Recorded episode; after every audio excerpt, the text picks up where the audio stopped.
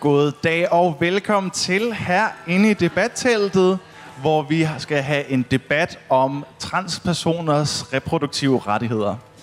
Jeg vil lige minde folk om, at vi livestreamer debatten her, og det er også muligt at stille spørgsmål til vores panel online, hvis man nu gerne vil det. Men ellers så vil jeg give ordet over til vores moderator Alex, som vil øh, præsentere debatten. Og det er altså en debat om transpersoners reproduktive rettigheder. Tusind tak skal jeg have. Yes. Øh, velkommen alle sammen, og øh, jeg har glædet mig rigtig, rigtig meget til denne her øh, talk i dag. Øh, det handler om transpersoners reproduktive rettigheder, som jeg personligt oplever er noget af det sværeste at navigere i. Øhm, så jeg tænker, at jeg vil starte med at lade panelet øh, præsentere sig selv, en lille smule et navn, og hvad I arbejder med til hverdag, eller hvad I laver. Jeg hedder Camilla, øh, og jeg er øh, jordmor eller jordperson. Jeg bruger pronomen hun, og øh, jeg arbejder til daglig som øh, privatpraktiserende jordperson og seksolog øh, her i København. Og øh, så underviser jeg og, øh, og laver noget aktivisme og så videre. Og jeg har specialiseret mig i at arbejde med øh, trans og reproduktion og LGBTQ øh, over en bred kamp. Mm. Jeg hedder anna Sofie Bak. Øh, jeg bruger også pronomen hun. Og jeg er her øh, i min egenskab af, at jeg er forsker. Jeg er på Aalborg Universitet lige nu. Men i min tidligere ansættelse på Syddansk Universitet har jeg beskæftiget mig en hel masse med øh, det, man kalder fertilitetsbevarende behandling, altså nedfrysning af reproduktivt materiale. Øh, og det er rigtig meget det, jeg kommer til at kunne bidrage lidt med her. Jeg har blandt andet også skrevet om det i forbindelse med en bog, hvor, øh, som handler om, om fertilitetsbevarende behandling i de nordiske lande, hvor vi også fokuserer på, hvordan Danmark, Norge og Sverige har forskellige muligheder, eller måske snarere manglen på muligheder for fertilitetsbevarende behandling for transpersoner. Øhm, så det vil jeg prøve at se, om jeg kan komme med nogle konstruktive bidrag ind i debatten med. Hej, jeg hedder Ne, og øh, jeg er jordmor og jordperson, øh, og jeg bruger øh, diverse pronomer. øh, jeg arbejder ude på Hvidovre på fødegangen, og jeg øh, kan ligesom nok bidrage med, hvad sker der derude? Hvordan er der at være ude på fødegangen? Hvad, hvad ved folk, hvad ved folk ikke? Øh, ja. Jeg hedder Sara Willi, jeg bruger pronomet hun. Jeg er jordmorstuderende oppe i Aalborg, og øh, jeg kan bidrage noget med, hvad er det så, der sker, før man står som færdiguddannet. Og øh, ja. Hmm? Tak skal I have. Jeg tænker, at vi skal starte med at sætte rummet. Øh, det synes jeg altid er rart. Det første, jeg vil skynde mig at sige, det er, at det her det er ikke tænkt som et diskussionsrum i har alt muligt ret og lov til at sidde med de følelser, som nu engang må opstå øh, i kroppen om øh, transpersoner og reproduktive rettigheder. Men vi inviterer jer til at prøve at sidde med den følelse. Øh, det gør vi, fordi vi har lyst til at skabe et rum, hvor øh, der er plads til læring. Det er et super kompliceret emne, og vi har desværre kun en time til at snakke om det. Så øh, vi håber, at vi når rundt omkring nogle ting, velvidende, at vi kommer op på ingen måde i dybden med, med særlig mange ting, men vi håber rigtig meget på, at vi senere kan lave andre arrangementer, øh, som kommer til at arbejde med det her emne. Vi også skynder os at sige, at øh, når vi står her, så øh, er der jo en, øh, en repræsentation af mennesker, som har en livmor, og som øh, potentielt har øh, mulighed for at bruge den. Vi øh, kommer i denne her talk ikke særlig meget ind på, øh, Øh, de muligheder, som trans øh, kvinder eller feminine personer eller personer, som ikke har en livmor, øh, kan gøre i det her system. Det gør vi desværre ikke, fordi at det er enormt kompliceret, øh, og der sker nogle virkelig spændende ting, men desværre ikke nogen ting, som kan foldes ud med, med den tid, vi har i dag. Men jeg er ret sikker på, at anna Sofie er øh, villig til at snakke om nogle af tingene, hvis nogen skulle have spørgsmål. Øhm, jeg tænker også, at, øh, at det er vigtigt at sige, at, øh, at vi her kommer til at snakke om øh, første del i hvert fald om, hvilke øh, udfordringer enkeltpersoner kan møde, når de står og gør sig nogle overvejelser om at øh, skulle føde et barn. Øh, det kommer til at handle om øh, mødet med sundhedssystemet, og det kommer til at, møde, at handle om, hvad den, øh, hvad den enkelte person kan gøre for at navigere i det her system. Den anden halvdel af talken kommer til at handle om, hvad der så sker, når man er studerende eller nyuddannet, øh, når man er inde på et studie, eller når man er på hospital inde på fødegangen. Og øh, hvad er det for nogle redskaber eller nogle øh, metoder, man får med sig i forhold til at navigere i et ret kønnet rum? Øh, og hvad er det for nogle ting, som øh, de studerende eller nyuddannede savner? Vi, øh, vi vil rigtig gerne invitere jer til at stille spørgsmål øh, løbende. I må gerne stille spørgsmål til begge dele. Og øh, jeg ved også, at der er nogen, som sidder med og kigger online, og I er også meget velkommen til at stille spørgsmål. De, øh, de bliver øh, læst op af Laurits. Yes. Jeg tænker, at vi skal starte med at hoppe ud i, hvad er det for nogle udfordringer, som øh, den enkelte person kan møde, når de øh, møder sundhedssystemet, måske for første gang, i forhold til reproduktion. Camilla, vil du prøve at folde noget af det ud? Øh, altså man kan jo sige, at der er jo en del af den her problematik, som opstår længe før, at de når frem til at se en, øh, den del af sundhedssystemet, som, øh, som jeg beskæftiger mig med. Fordi det foregår jo i virkeligheden hos øh, de helt unge og hos børnene. Og øh, der er jo i hvert fald en udfordring omkring den rådgivning, de får der, øh, som øh, for nogens vedkommende kan betyde, at de kan blive tvunget ud i at tage nogle beslutninger, som har rigtig store konsekvenser for dem senere hen. Og det tænker jeg egentlig måske, at du vil være bedre til at sige noget om, Anne-Sophie. Og du tænker, det er der, vi skal starte? Ja. Altså man kan sige, måske vil jeg faktisk gerne lige sådan træde et skridt længere tilbage og snakke om, hvordan nogle af de udfordringer, der ligesom på mange måder eksisterer i dag, øhm, også er kommet til. For man kan sige, at der er jo sket rigtig mange ting juridisk set på transområdet i mange år, eller i de sidste øhm, ja, 10 år, siden 2014 særligt. Øhm, og man kan sige, da man øh, ændrede lovgivningen omkring øh, juridisk kønsskifte, som man så kalder det i Danmark, der skete der en afkobling, som jo på rigtig mange måder var god i forhold til at få afkoblet det juridiske og sundhedssystemet, sådan så at sundhedssystemet ikke ligesom blev gatekeeperen for det ene, men, men hvis man ligesom kigger på nogle af de debatter, der var i Folketinget øh, i den forbindelse, så eksisterer der eller overlever der ligesom en forståelse af noget, som politikerne snakker om som reproduktivt køn. Øhm, og jeg vil mene, at nogle af de udfordringer, der er i dag, for eksempel omkring forældrekategorier, eller omkring, hvordan man, hvem der ligesom har adgang til for eksempel at få frosset øh, reproduktivt materiale ned, faktisk hænger lidt sammen med det. Altså det hænger sammen med, at man bevarer nogle forestillinger om sammenhængen mellem, hvis man skal... Nu jeg, jeg er sociolog, så det kan godt være, at jeg kommer til at tale lidt om det på den måde, men imellem køn, kroppe og slægtskabskategorier. Øhm, og der er en hel masse ting omkring det, som sådan på en eller anden måde stadigvæk hænger sammen, og som også spørger lidt.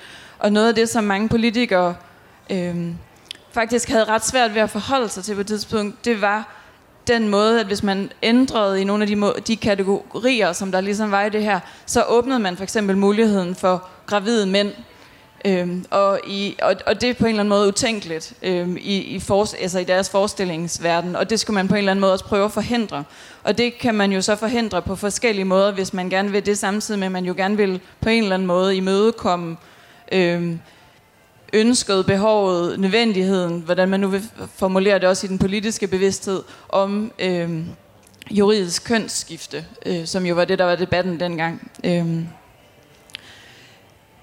Noget af det handler jo så også om, at man kan sige, der også er en forestilling om, at hvis man, hvis man gerne vil have ændret sin juridiske kønskategori, jamen, så vil man vel ikke være gravid også. Altså, og, og der kan man sige, fordi det ligesom også bliver bygget ind i de der forestillinger, så er der en hel masse ting, man aldrig rigtig tænkt over. Men det er jo så også interessant nok, at for eksempel sådan noget som fertilitetsbevarende behandling, det var faktisk aldrig rigtig en del af debatten, men det, det var egentlig en del af de høringer, der var, fordi der var øh, folk, der påpegede, i høringerne, at det var et problem, at man ikke ligesom forholder sig til det. Øhm, også i henhold til for eksempel, at... Øhm, og jeg kan aldrig huske, hvad den hedder på dansk. Øh, WP. Verdens... Hvad hedder den på dansk? Altså, organisationen, der ligesom har formuleret de internationale guidelines omkring øh, transpersoners øh, sundhed. Ja, ja, jeg kommer lige fra noget på engelsk. Nå, men den, man kan sige, i de, i de guidelines er det faktisk rigtig tydeligt understreget, det har i hvert fald været siden omkring 2004, mener jeg det er, at fertilitet er ret vigtigt, og det skal være en, en stor del af samtalen om behandling. Og på den måde kan man sige, at det bliver et stort problem, at man på en eller anden måde ikke forholder sig til det i Danmark, og man ikke får skrevet det ind øh, i retningslinjerne. Og retnings, i starten havde man det faktisk også med, og det bliver relevant i forhold til noget af det, som du så også lagde op til at skulle sige noget om, fordi man kan sige, hvis man ikke på en eller anden måde tænker, at det at snakke om fertilitet er en helt central del af det, eller noget, man på en eller anden måde tager med, og som man skal forholde sig til som ønsker. Øhm, mange mennesker har det jo ikke alle, der ønsker at få børn, men det er jo relevant at forholde sig til, og forholde sig til, hvad konsekvenserne af den behandling, man overvejer, eller den behandling, man skal have, øhm, ligesom kan have. Og der er en masse forestillinger. Altså, som man kan sige, der er jo også en masse mangel på viden. Det er jo så også en af de ting, der er. Der er en masse mangel på viden, og nogle gange bliver den mangel på viden jo så oversat til, det ved vi ikke, ergo kan det ikke lade sig gøre, frem for at sige, det ved vi ikke, det må vi se på, eller vi må, vi må undersøge det. Øhm, og det er jo noget særligt det, der spiller ind, tænker jeg, i den måde, man tænker det i forhold til børn, og i forhold til øh, teenager, og man kan sige, den diskussion, der har været øh, igen for nylig, har jo meget været sådan, jamen, hvad, hvilken betydning har det for deres facilitet? Og men i den debat snakker man aldrig om alle de teknologier, der allerede eksisterer, og som man bruger i forhold til alle mulige andre typer af behandling.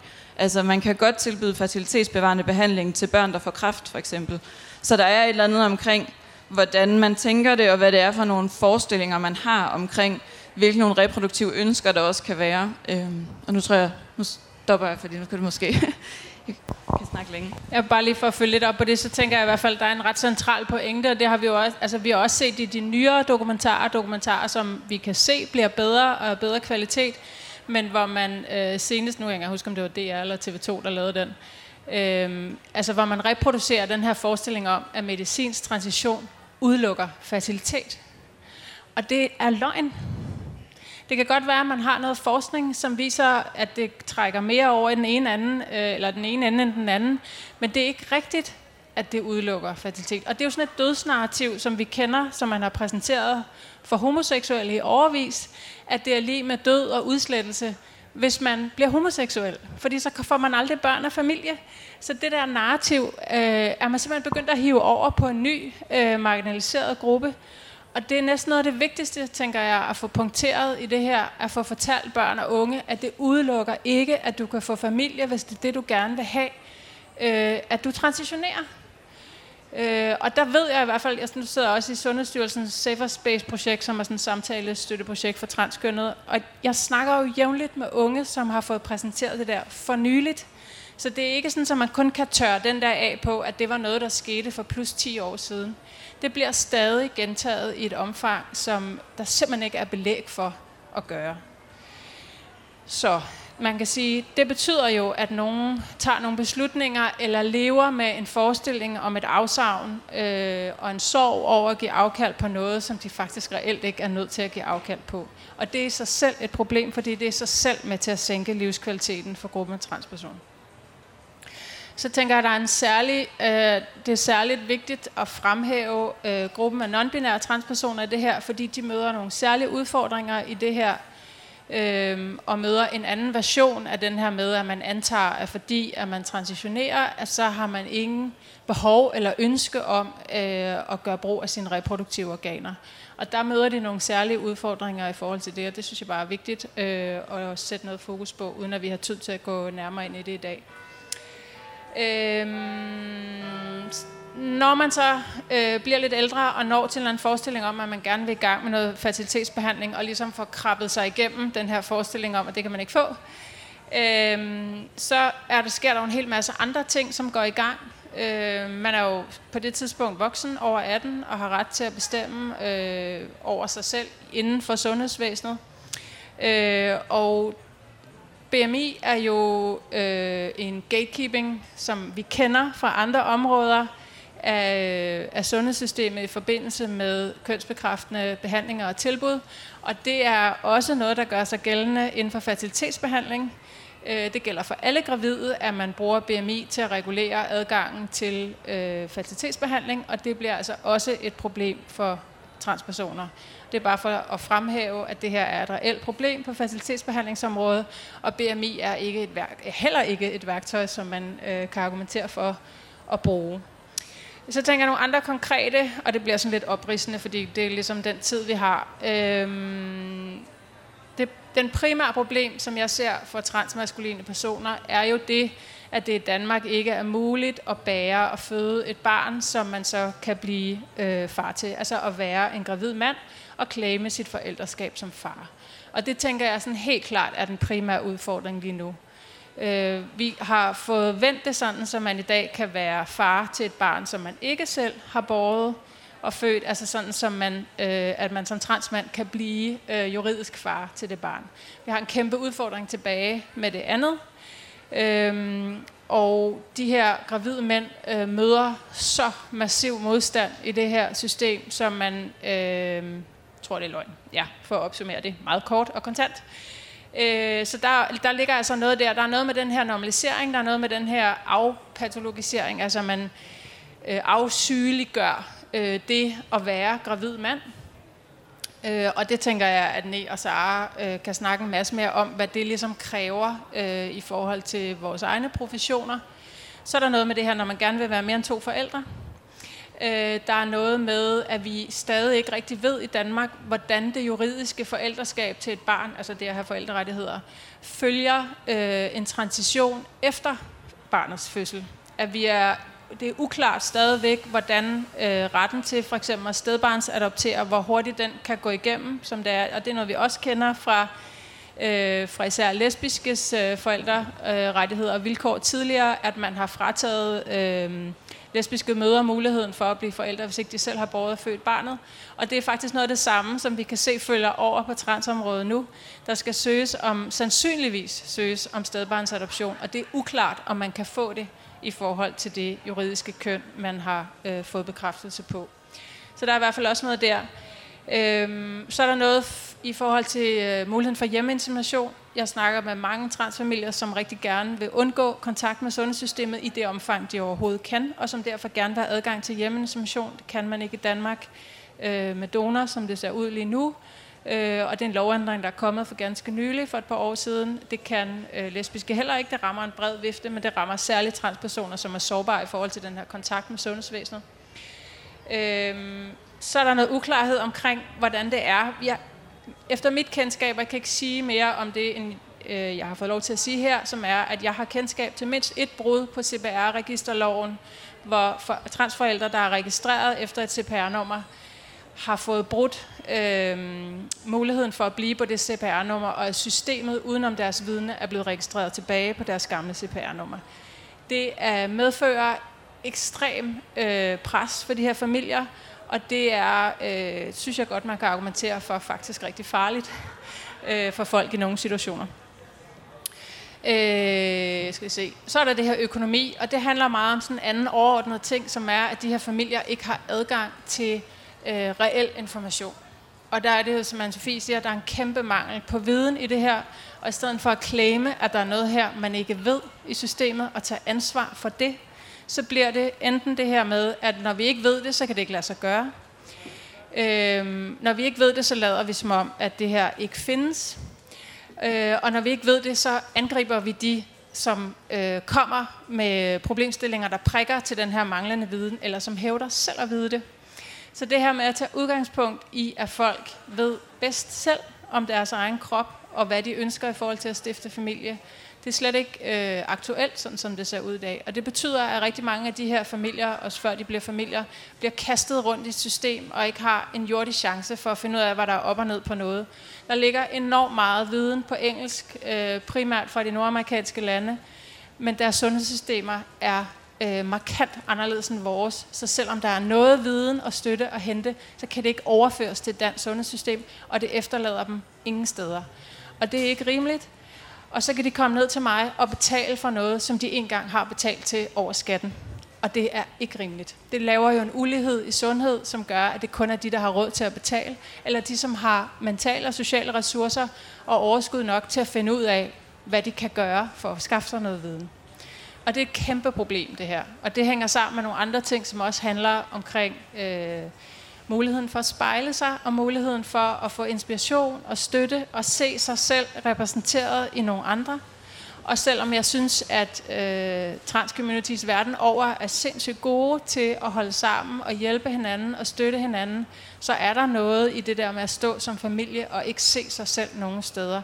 Og det må jeg bare sige som jordmor, at det er et problem i forhold til tilknytningen til familien, og det laver en ulighed igen i sundhed og i forældreskabet, som vi altså på ingen måde kan være bekendt.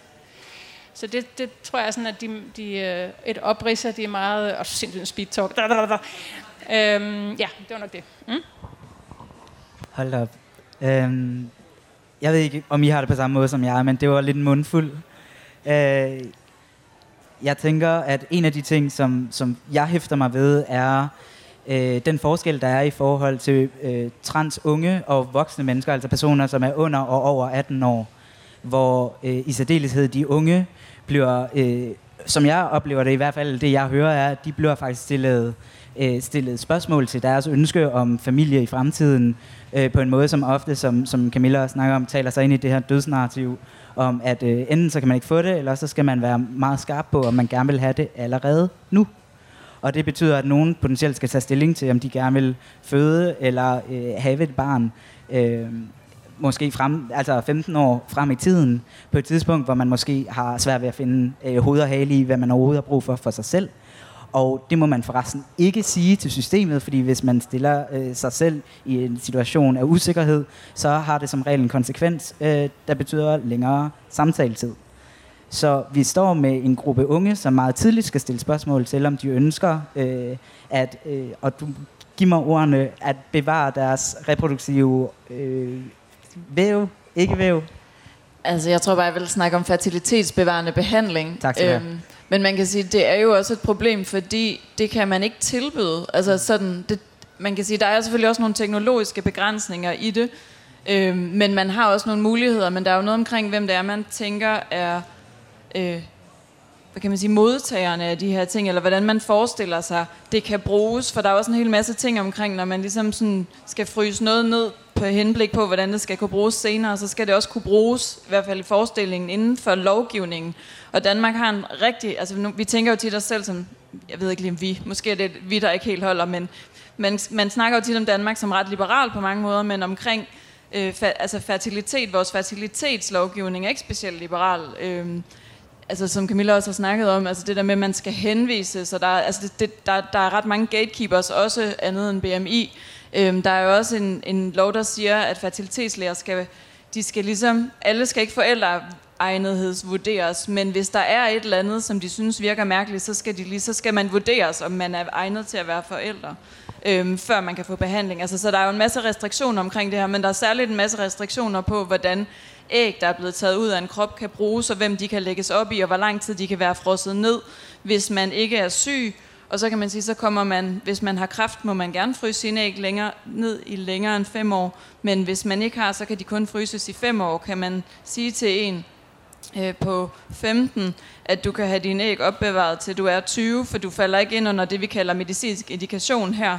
Altså, så der er en hel masse sådan, kategorier på spil omkring, øhm, hvordan man har organiseret det her. Men min påstand vil så være, at det kunne man gøre anderledes, hvis man tænkte på nogle andre måder, hvis man tænkte, det var vigtigt. Øh, sådan er det jo med mange ting omkring lovgivning. Hvis nogen synes, noget er vigtigt, så kan man jo få lovgivningen til at passe til de behov, folk har. For eksempel øhm, og sige, at vi synes, det er vigtigt, at der er nogle muligheder. Der er ikke nogen, der siger, at man ligesom skal øh, gøre det, men vi vil gerne holde folks muligheder åbne, og vi vil gerne øh, åbne for, at man man selv kan bestemme det senere hen, øh, eller at det ikke bliver sådan nogle ultimatumer, altså hvor at du kan vælge det her, eller du kan vælge det her.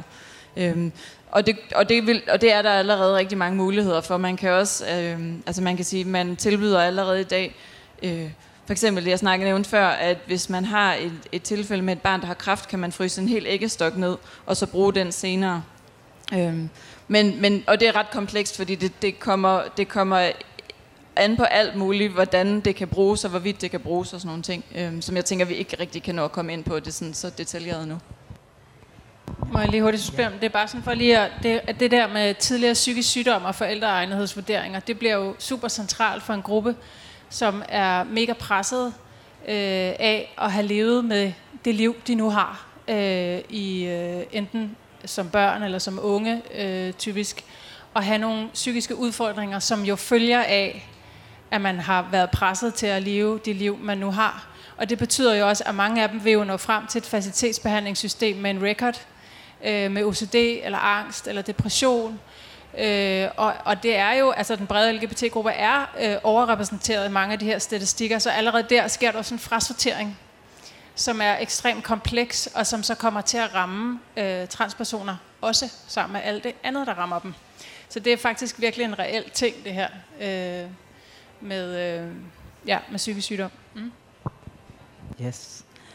En anden ting, som jeg hæfter mig ved, som, som jeg synes, vi kun lige kom ind over, men, men som jeg tænker, der også er værd at knytte en kommentar til, er, øh, der er de transpersoner, som, som, øh, øh, som passerer som, som cis-mænd i systemet, og som bliver gravide, og som bliver behandlet på en helt særlig måde, og som regel er min oplevelse en ikke særlig fed måde i et system, som er helt på røven over, at der kommer en mand ind, som er gravid.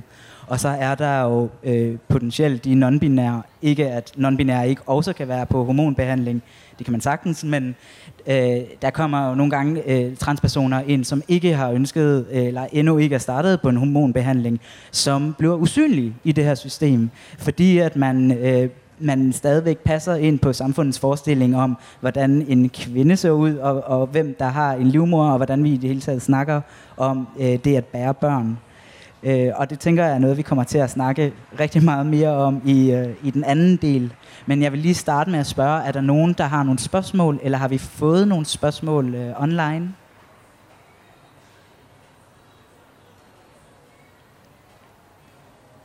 Jeg forstår, hvis det er øh, komplekst, og man ikke ved, man skal spørge om. Sådan har jeg det også. så tænker jeg, at øh, hvem mindre I to har lyst til at knytte en kommentar til det, vi har snakket om, med de individuelle udfordringer, som folk kan løbe ind i, at så hopper vi videre til, øh, til næste del, som handler lidt om, hvad der så sker, når øh, man enten møder en person, som, som er transperson, øh, og at man er øh, jord, mor, jordperson, studerende, øh, eller når man er nyuddannet, og man er ude på en fødegang. Og jeg tænker, vil, øh, vil I starte med at fortælle noget om, hvor langt er I i, i jeres uddannelse, eller hvor er I henne i jeres hverdag lige nu? Ja, det vil vi meget gerne. Øhm, jeg er to år inde i uddannelsen, det vil sige, at jeg mangler halvandet år, og uddannelsen er bygget op sådan, så man har halvdelen af tiden inde på skolen, og den anden halvdel af tiden foregår ude i praktik, og så kører man et semester på hvert, øh, øh, på hvert sted, ikke? Øh, og det er ligesom der, jeg er.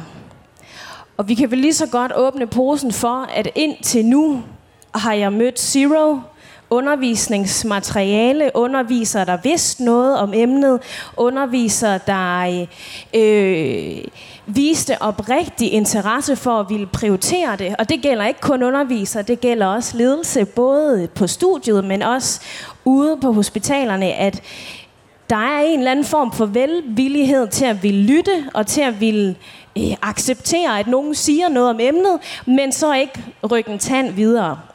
Øhm, det er meget sådan en løben panden mod muren, ensom rejse og sige, øh, hey, vi har et problem herover, øh, eh, som meget, meget få tager seriøst, og som ingen af os studerende, som skal komme ud på den anden side og møde de her mennesker, lærer noget om. Så det bliver et selvstudie.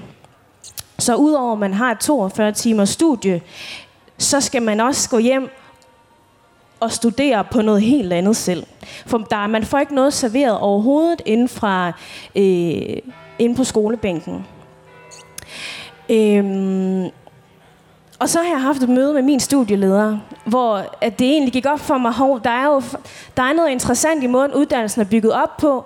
Den er, det er meget sort-hvidt. Vi starter ud med noget, som er helt ukompliceret. Så rammer vi noget, der er kompliceret, og ender noget, der er komplekst. Og det er ligesom den tidslinje, der er. Hun spørger mig, Sara, hvis du skal komme med et skud fra hoften, hvor skal vi placere det her emne på uddannelsen? Tror du, at de studerende kan holde til det i starten af uddannelsen? Tror du ikke, det bliver for meget at skulle tage ind?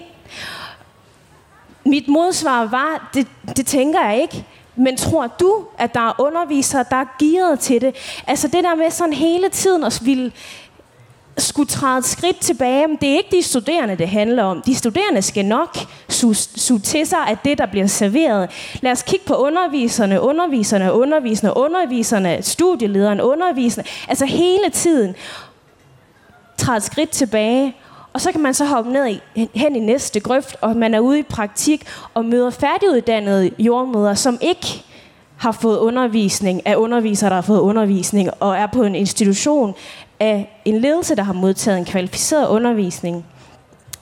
Øhm, og det er problematisk. Det er sindssygt problematisk, at øh, man kan ende med at sidde der.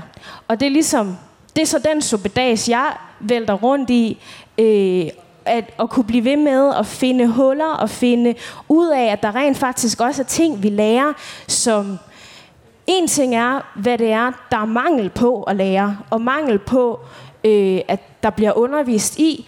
Noget andet er at modtage viden, som man skal, i mit perspektiv, til dels aflære sig selv, fordi det er forkert eller decideret ubrugeligt, der hvor man står.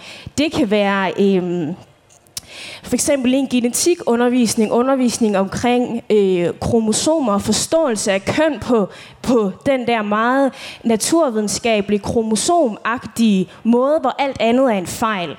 Øh, eller resulterer i en eller anden voldsom sygdom, man ikke kan overleve med. Og det er jo ikke, det er jo ikke et faktum. Altså, hvis vi så allerede, der, det skal vi ikke begynde at tale om biologi på den måde, men, men, øh, men det er decideret forkert. Eller man må gå ind til en psykologiundervisning og skal lære om, øh, hvordan øh, reagerer øh, personer, der, der mister, for eksempel. Det er kønsopdelt. Kvinder gør sådan, mænd gør sådan. Det er også decideret ubrugeligt. Så jeg modtager noget undervisning, og så skal jeg gå hjem, aflære mig det selv, på en eller anden måde finde noget energi til, øh, og finde noget alternativ materiale. Jeg så igen skal finde noget energi til at vise til en studieledelse eller til en underviser og sige, det du underviste i, det rykker os ingen steder, og det er decideret ubrugeligt, når jeg kommer ud på den anden side. Hey, hvad siger du til det? Den er ikke super nem, den øvelse, fordi studiet er hårdt, man er super presset, der er ikke særlig meget tid, der er helt vildt meget arbejde med en selv. Det er rigtigt. Så jeg synes egentlig det er meget interessant det der med, ja, der er mangel på viden, men der er også rigtig mange steder, hvor vi lærer noget, der i mit perspektiv skal aflæres, når vi er færdige. Men hvis vi ikke bruger det i en opgave, så består vi ikke. Altså det er meget, jeg, jeg ved godt, men, men, men der er, altså, jeg synes i hvert fald, der er noget sandhed i det, ellers vil jeg jo ikke sige det vel. Men øhm, det synes jeg er meget vildt interessant, at det er, det er der, vi er. Yes. Ja. Og nej, er det noget, du kan genkende, eller ser det helt anderledes ud i København? Nej, altså, jeg, jeg, øh, jeg kan godt genkende det her. Og jeg kan også godt genkende det fra Københavnerskolen. Jeg er øh, uddannet, færdiguddannet for to måneder siden. Spritny ude på fodgangen, Prøver at gå fuldstændig i et med tapetet derude. For ligesom bare at øh, have fokus på at blive en god kliniker. Hvad end det nu betyder, men det betyder noget med at have styr på størrelsen på et barn, øh, hvor meget bløder personen, der føder, ikke føder, sådan nogle ting. Og der er det bare ikke så fedt at have ekstra fokus på sig selv som transperson. Altså, og, øhm, fordi det er miljøet derude. Man, det bliver jo eksotisk og vil kønnes på en anden måde. Og det tænker jeg, at der er flere her i rummet, der også kan genkende, at der er tidspunkter, hvor man vælger en måde at gøre noget på, og tidspunkter, hvor man gør det på en anden måde. Simpelthen for at overleve. Øhm, og det, ja, det er den virkelighed, jeg står i lige nu. Øhm, og jeg tænker også i forhold til at tilføje det, du siger med viden. Ja, viden er godt, men der er også noget med at skabe et rum i øh, på uddannelsen, hvor at det er, hvor at man præsenterer sig med pronomen. At det ikke er noget, at det ikke er nogle mennesker, som vi skal lære noget om, men at det er, vi er en del af systemet også. Og det tænker jeg virkelig, den måde at forstå det på, øhm, tror jeg virkelig vil kunne ændre noget. At det ikke er, nu får vi denne her transkønnet ind, som skal føde, og nu har jeg lært noget om det, og nu skal jeg gøre det. Nej, vi er også transkønnet i sundhedssystemet. Øhm, jeg tænker, at er helt vildt vigtigt, at der kommer den attitude, og lige nu er det ikke sådan. Og forhåbentlig bliver det. Du skal ud og undervise ude på Hvidovre. Det bliver mega fedt. Du skal undervise... Øh, ja, vi er 160 ansatte derude, ikke? så der, er også, der sker også nogle ting, men det går ekstremt langsomt. Ja. Øhm, jeg vil bare tilføje til det, måske lige sådan løfte op i et lidt større perspektiv. Altså sådan hele fortællingen om jordmorfaget.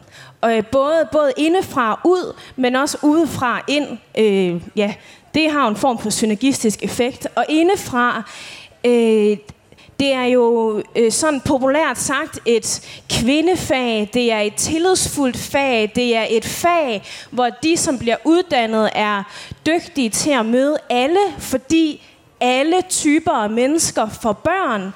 Så derfor så sker det sådan lidt automatisk, at man bliver sindssygt god til at sidde i svære samtaler. Det øver man så også rigtig meget på. Det lærer man også rigtig meget. og man begår mange fodfejl undervejs. Men der ligger noget i den selvfortælling med, at Jamen, vi er jo ret gode. Altså, det, det går jo godt, og der er jo rigtig mange, der er glade, og der er jo rigtig mange, som, som øh, øh, gang efter gang eller gang, gang øh, rater os helt vildt højt på de her øh, tillidsundersøgelser, så det må jo gå godt. Og det er også nogle af de ting, som kan være svære at sige noget imod, fordi jamen, jamen overall, det kan vi da godt blive enige om, at det er fedt at lægge øverst i en tillidsundersøgelse.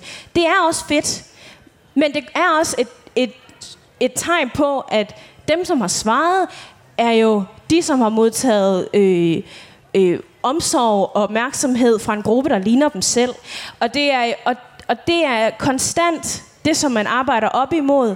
Det her med at skulle rykke ved roden ved et fag, som er så anerkendt.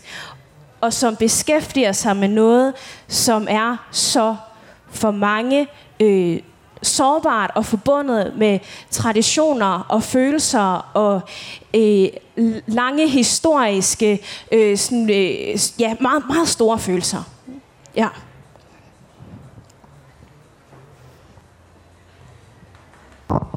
Jeg, jeg taler en fire der.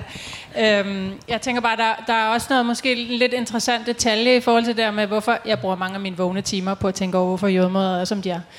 Øh, der, der er noget interessant i det her med, at øh, Jordmorforeningen, som er vores øh, fagforening, øh, er fuldstændig fraværende øh, i den her debat, men, men også inden for LGBTQ øh, bredt. Og øh, Jommerforeningen har gået med i Pride'en en gang forrige år, og så trak de sig ud i al stillhed øh, på grund af klager. Og øh, så der er også noget af det. Altså der er ikke noget her omkring arbejdsmiljø, og det er helt klart sådan en... Øh, øh, for at bruge din term. Det er helt klart sådan en øh, indefra ud. Vi snakker om, om, og så hedder det regnbuefamilier. Vi snakker om regnbuefamilierne som noget, der er uden for os selv. En lille bitte gruppe, som er ude blandt patienterne. Øh, og det er jo bare helt vildt, ikke? Og det er virkelig heller ikke et fag, hvor man, altså, ja, det ved I jo også, man, man øh, kommer ikke ud som hverken det ene eller det andet, eller i hvert fald meget diskret. Men det kunne jeg godt egentlig tænke jeg mig, for nu er det jo, jeg er uddannet i 2010, så det er jo alligevel nogle år siden, jeg selv er blevet uddannet. Og der var det benhårdt, og jeg kender stadig mange jordmøder i skabet. Jeg bliver kontaktet af mange jordmorstuderende, som er i skabet med det ene eller det andet. Men jeg kunne egentlig godt tænke mig at høre, om I havde noget at sige om, hvordan det er i dag jeg tænker, det spiller en kæmpe rolle i forhold til det her. Øhm, jeg vil også gerne tilføje noget omkring, hvem er det, der bliver uddannet til jordmøder.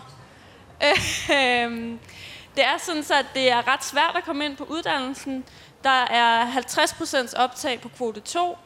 Det er øh, en person, der sidder og vælger de her, i hvert fald på Københavneruddannelsen. Og det vi ser er, at dem, der øh, bliver uddannet jordmøder, det er øh, ciskønnede hvide kvinder, basically. Øhm, og, og middelklasse, ja. Og det har jo øh, også en kæmpe betydning. Øh, og, og størstedelen er jo så også heteroseksuel, ikke?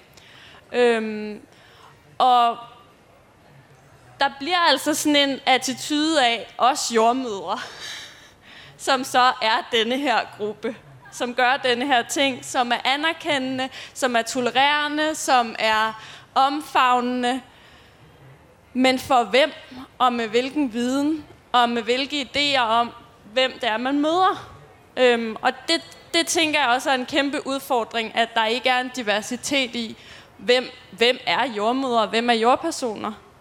Øhm, og der, der er også noget arbejde at gøre der, i forhold til at, øh, at optage folk, som ikke er denne her gruppe. Hvad var dit spørgsmål, Camilla? Det har du glemt.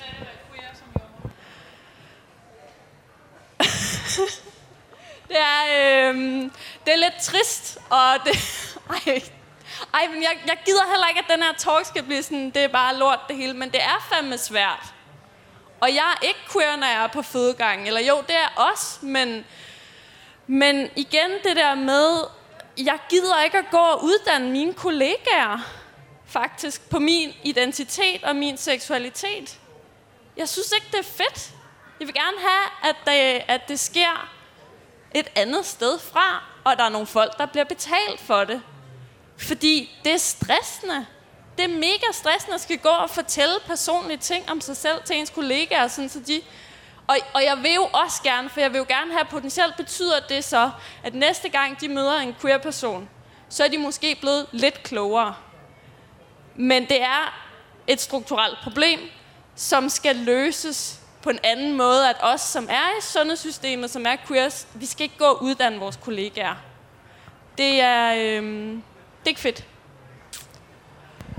Må jeg lige tilføje en lille ting? Altså, det er ikke, fordi jeg tænker, jeg har ikke noget med jordmorforeningen at gøre, men jeg tænker jordmorforeningen, fordi vi har en jordmordrevet fødselskultur i Danmark, så bliver jordmorforeningen og jordmøderne jo ret centrale i forhold til, hvem det er, der møder gravide mennesker.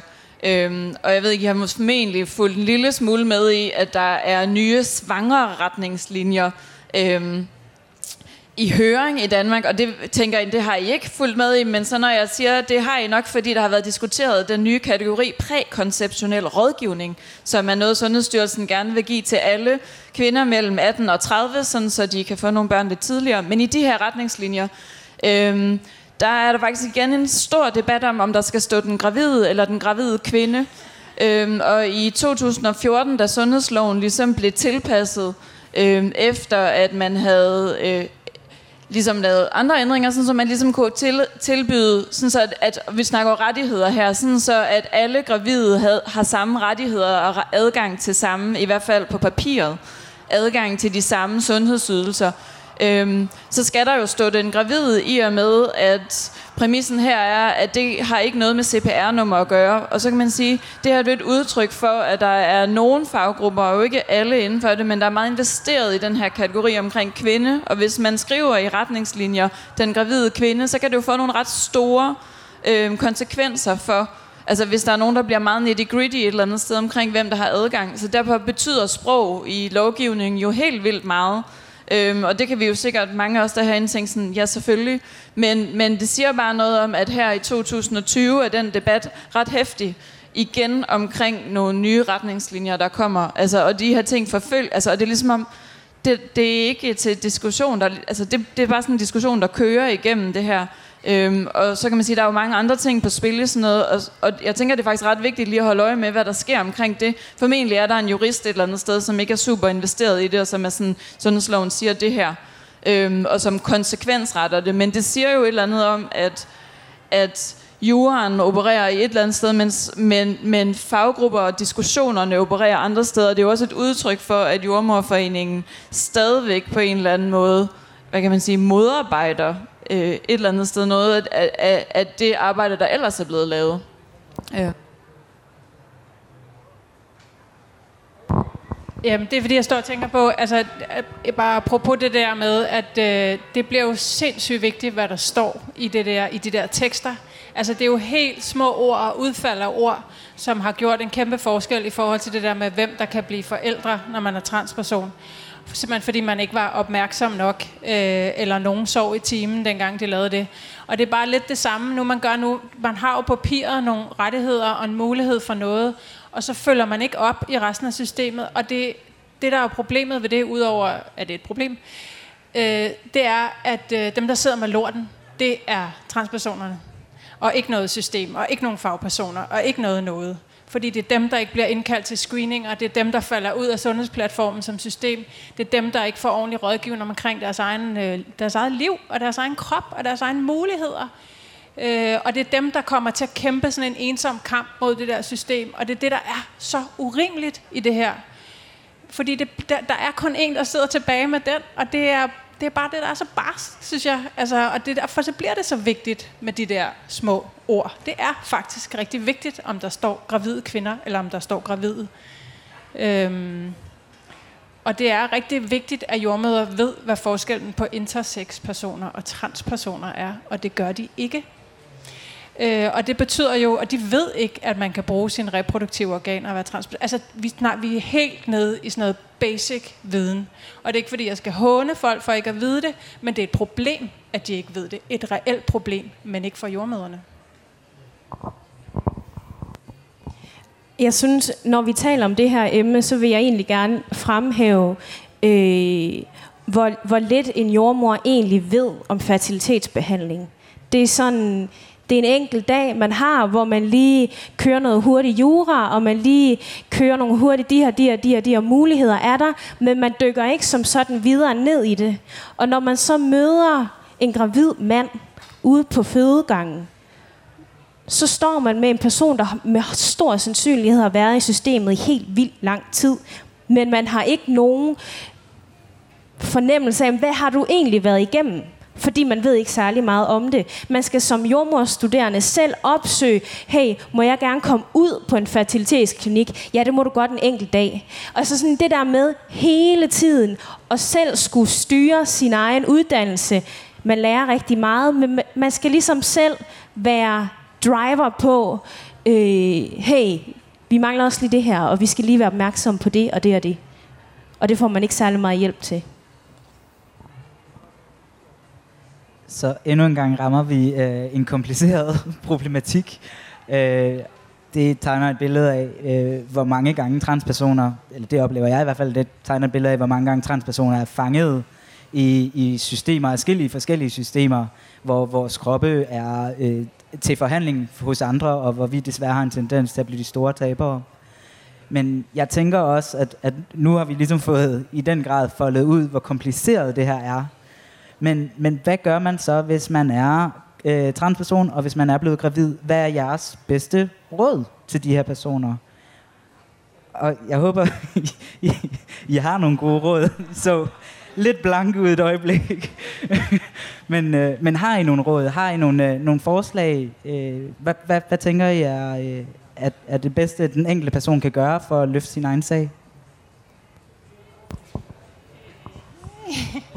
Øhm, jeg tænker, at det bedste, man kan gøre for sin egen psykiske sundhed, det er først og fremmest at finde øh, en eller anden, et eller andet community af større eller mindre og nære eller mindre nær slags. Øh, fordi det får man brug for undervejs. Og øh, det handler både om at kunne se sin egen familieform spejlet, men det handler også om bare at få noget support hos nogen, og det ved vi fra forskning i alle udsatte grupper nogensinde ever, at det har faktisk en betydning for, hvordan folk klarer sig igennem. Så det er i hvert fald den første omgang. Øh, og så tænker jeg, at, øh, at det der jo også kommer ud af det er måske, at man hører om de meget få tilbud, der er. Altså, vi, vi er fire jordmødre og den ene af jordmøderstuderende i Danmark, som mødes og tager det her alvorligt, og som prøver ligesom at spare med hinanden. Og, men vi findes, Øh, og øh, det betyder også, at der er mulighed for noget, og vi vil gerne hjælpe folk igennem systemet, øh, så godt vi kan. Jeg er desværre nødt til at leve af det, så det koster nogle penge, men, øh, men, men der er øh, nogle muligheder for noget, og vi, vi laver også aktivisme, vi prøver også at gøre noget for, at det ikke skal koste penge. Øhm, men, men det der med at opsøge noget viden, altså det der viden, man ikke har adgang til, er sindssygt vigtigt. Og så øh, tror jeg, at man skal tage udgangspunkt i, at øh, transpersoner ved rigtig meget om sig selv. Og det skal, I, altså, det skal man holde fast i. Man ved meget typisk meget mere end systemet, og det skal man stole på og have tillid til, at man gør. Fordi det er der øh, specialet ligger. Eller sådan, det ligger ikke i sundhedssystemet, det ligger i de der communities. Og det er vigtigt at tage udgangspunkt i, tænker jeg. Og så tænker jeg bare sådan, som jordperson, tænker jeg bare, frigør så meget energi og så mange ressourcer, I kan til det, I nu skal, og så finde ud af, hvordan I bedst gør det. Og der betyder det bare virkelig meget, det der med at få, øh, I findes, det findes, det er en ting, og alt andet er løgn. Det var det korte råd. Og jeg tænker, i forlængelse af det, så vil mit råd ud over det også være, jamen, øhm, før du så træder ind et eller andet sted, så, og det bliver igen at skulle være en opsøgende arbejde om nogen, der ved noget om det system, man risikerer at, at løbe ind i, men lære noget om det, og lære noget om sine egne rettigheder i det danske sundhedssystem. Altså lære, det er okay at bede om en anden, og lære det her med sådan at, at lære om, hvad har jeg egentlig ret til? Øhm, og blive bekræftet i, at det er også okay at bede om, selvom det er en mega, mega benhård øvelse. Øhm, så lige pt, hvor vi står lige nu, så vil jeg også sige, at det vil være et af mine, mine råd. Øhm, og så vil jeg jo også bare gerne tilføje, at vi var på, vi var på en konference sammen, øhm, Trans Pregnancy, og der, øhm, hvis der er nogen, der sidder og lytter med, som har lidt magt i forhold til, hvad der sker, der har de faktisk, der mødte vi en, øh, en gruppe, som øh, har et tilbud til transpersoner, som øh, skaber familie, og øh, i Brighton, ej, nu, jeg, undskyld, jeg har, øh, jeg har været på to nattevagter, og har totalt øh, tømmermænd nu her. Men bare for at sige, at i Brighton, der findes et program, som er for transpersoner, hvor du kan gå til jordmorkonsultation hos jordmødre, jordpersoner, som ved noget om ens situation, hvor man ikke skal sidde og uddanne folk. Og det kunne jo også være rigtig fedt, hvis vi fik det her i Danmark. Ja, det var det, jeg vil sige. Tak skal I have. Så vil jeg høre, er der nogle spørgsmål, enten ude øh, blandt jer eller med online? Jeg kan se et spørgsmål nede øh, bagved.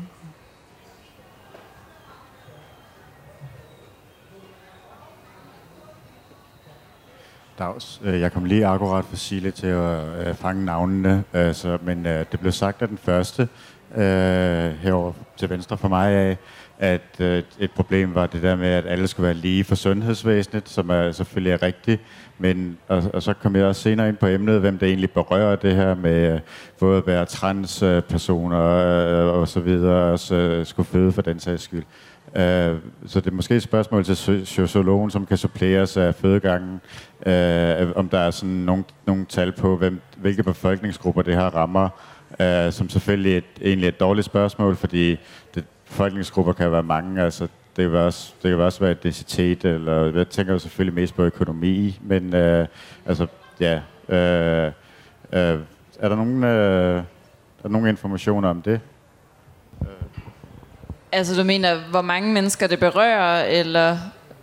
Altså fordi det blev, altså, hvis, øh, altså alle skal være lige for sundhedsvæsenet, det, øh, men berører det også alle sådan, øh, befolkningsgrupper lige meget. Altså øh, det blev sagt, at øh, det, det for eksempel kræver mange ressourcer at hvad det, gå over eller transitionere.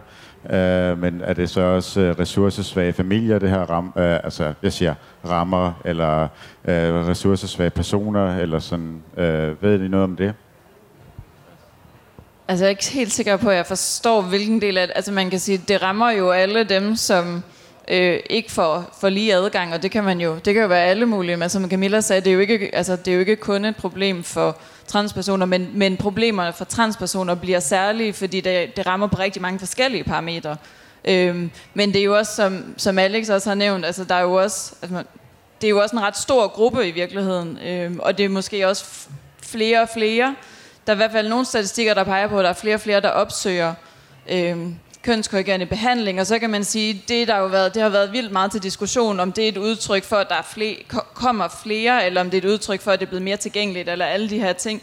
Men, men det er jo noget, der er relevant, hvis det er det. Altså, fordi jeg tænker, hvad, hvad handler det om? Handler det om, at vi skal diskutere det som, at det er en forstå øh, udgift for samfundet? For så kan man sige, jamen så er det da først et spørgsmål om, om ulighed, for vi bruger rigtig mange penge på øh, fertilitetsbehandling, fertilitetsbevarende behandling. Det er helt normaliseret øh, i andre altså andre dele af sundhedssystemet. At selvfølgelig tilbyder man ting til folk, der har behov for det. Øhm, så det er jo også noget med, hvem det er, man ligesom ekskluderer fra, fra tilbud, fordi altså fordi man ikke synes, at det er relevante tilbud. Ikke? Og selvfølgelig er det, det er jo selvfølgelig prioriteringer hele tiden.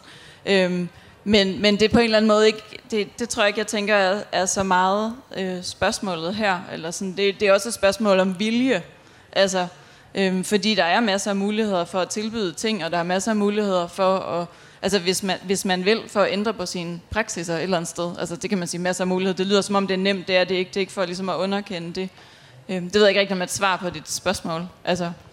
Jeg tænker måske også, at man kunne tilføje en kommentar om, at stærke eller ressourcesvage mennesker er for mig at se opgjort af, af systemisk ulighed ofte.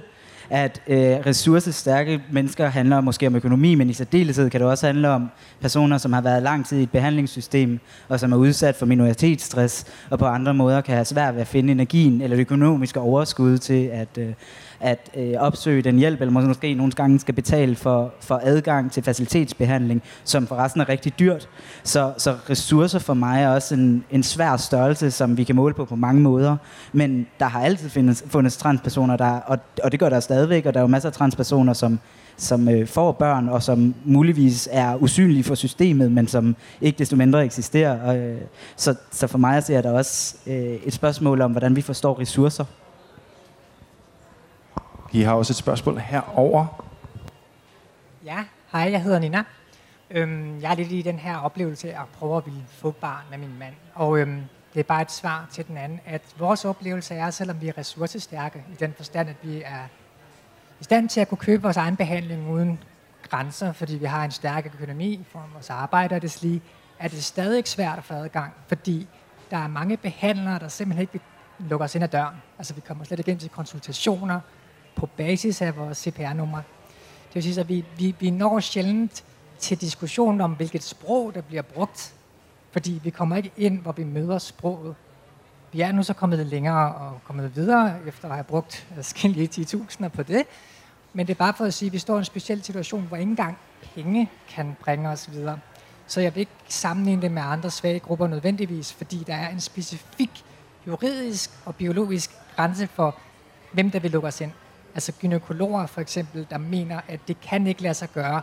De vil ikke udføre de prøver, der skal til, før man overhovedet kan komme til en klinik, eller klinikker, der slet ikke vil se en på grund af en CPR-nummer. Endda private klinikker. Det var bare det. Må jeg? Ja. Det er så godt formuleret det der med, at man ikke får lov at komme derind, hvor man kan møde sproget, og derfor heller ikke har mulighed for at, at forhandle det og dirigere det. Men helt konkret så er det sådan i Danmark, hvis man skal henvises til facilitetsbehandling, så skal man ind om egen læge, skal du have en henvisning til facilitetsbehandling. Øh, og før du kan komme frem til det, så skal du have taget nogle blodprøver, og så skal du til en gynækologisk undersøgelse. Og hvis ikke du kan finde en gynækolog, der vil behandle dig, så kan du ikke komme videre. Og det er altså rigtig svært, når du bor uden for København. Jeg tager lige en sidste kommentar fra Sara, fordi så skal vi faktisk til at runde af. Ja. Jeg vil også i forlængelse af det sige, at det offentlige Danmark kan rigtig meget.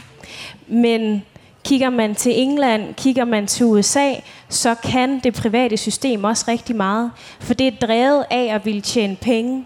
Og når vi taler om transmænds muligheder for at blive gravid og få børn, så er der mange penge i at behandle folk ordentligt. Og der er mange penge i at ville øh, yde en hjælp, som ingen andre vil yde. Så på den, altså det, det er slet ikke for at hakke ned på den øh, samfundsmodel, vi nu engang har her, men der er ikke... Øh, der er ligesom ikke noget økonomisk incitament for at ville udvikle og tænke nyt og ville tilbyde. Og, og det, det, det tænker jeg helt sikkert også er en rigtig stor del af, hvorfor det kan være kæmpe udfordring. Også. Og med den kommentar, så bliver vi desværre nødt til at slutte for i aften. Jeg vil gerne sige rigtig mange tak til jer i panelet. Jeg vil også gerne sige tak til jer, der er herude. Hvis I har spørgsmål, så har vi svært ved at svare på dem nu, men vi håber på, at vi i løbet af de næste par måneder kan lave nogle flere arrangementer ind hos blandt andet LGBT Plus Danmark, som, øh, som I er mere end velkommen til. Tak for i aften, og have en rigtig god aften og Pride.